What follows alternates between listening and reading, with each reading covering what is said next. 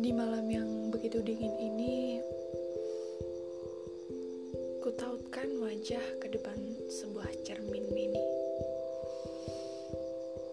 dan memulai obrolan diri menatap wajah kusam yang terpampang pada cermin yang kupegang. Kutanya, apa yang kamu tunggu malam ini? Apa yang kamu harapkan? Dan apa yang kamu lakukan sekarang? Aku menjawab, iya, tidak ada yang kutunggu. Entah itu sekedar sapa, ucapan selamat malam, atau bahkan basa-basi buta di kolom pesan.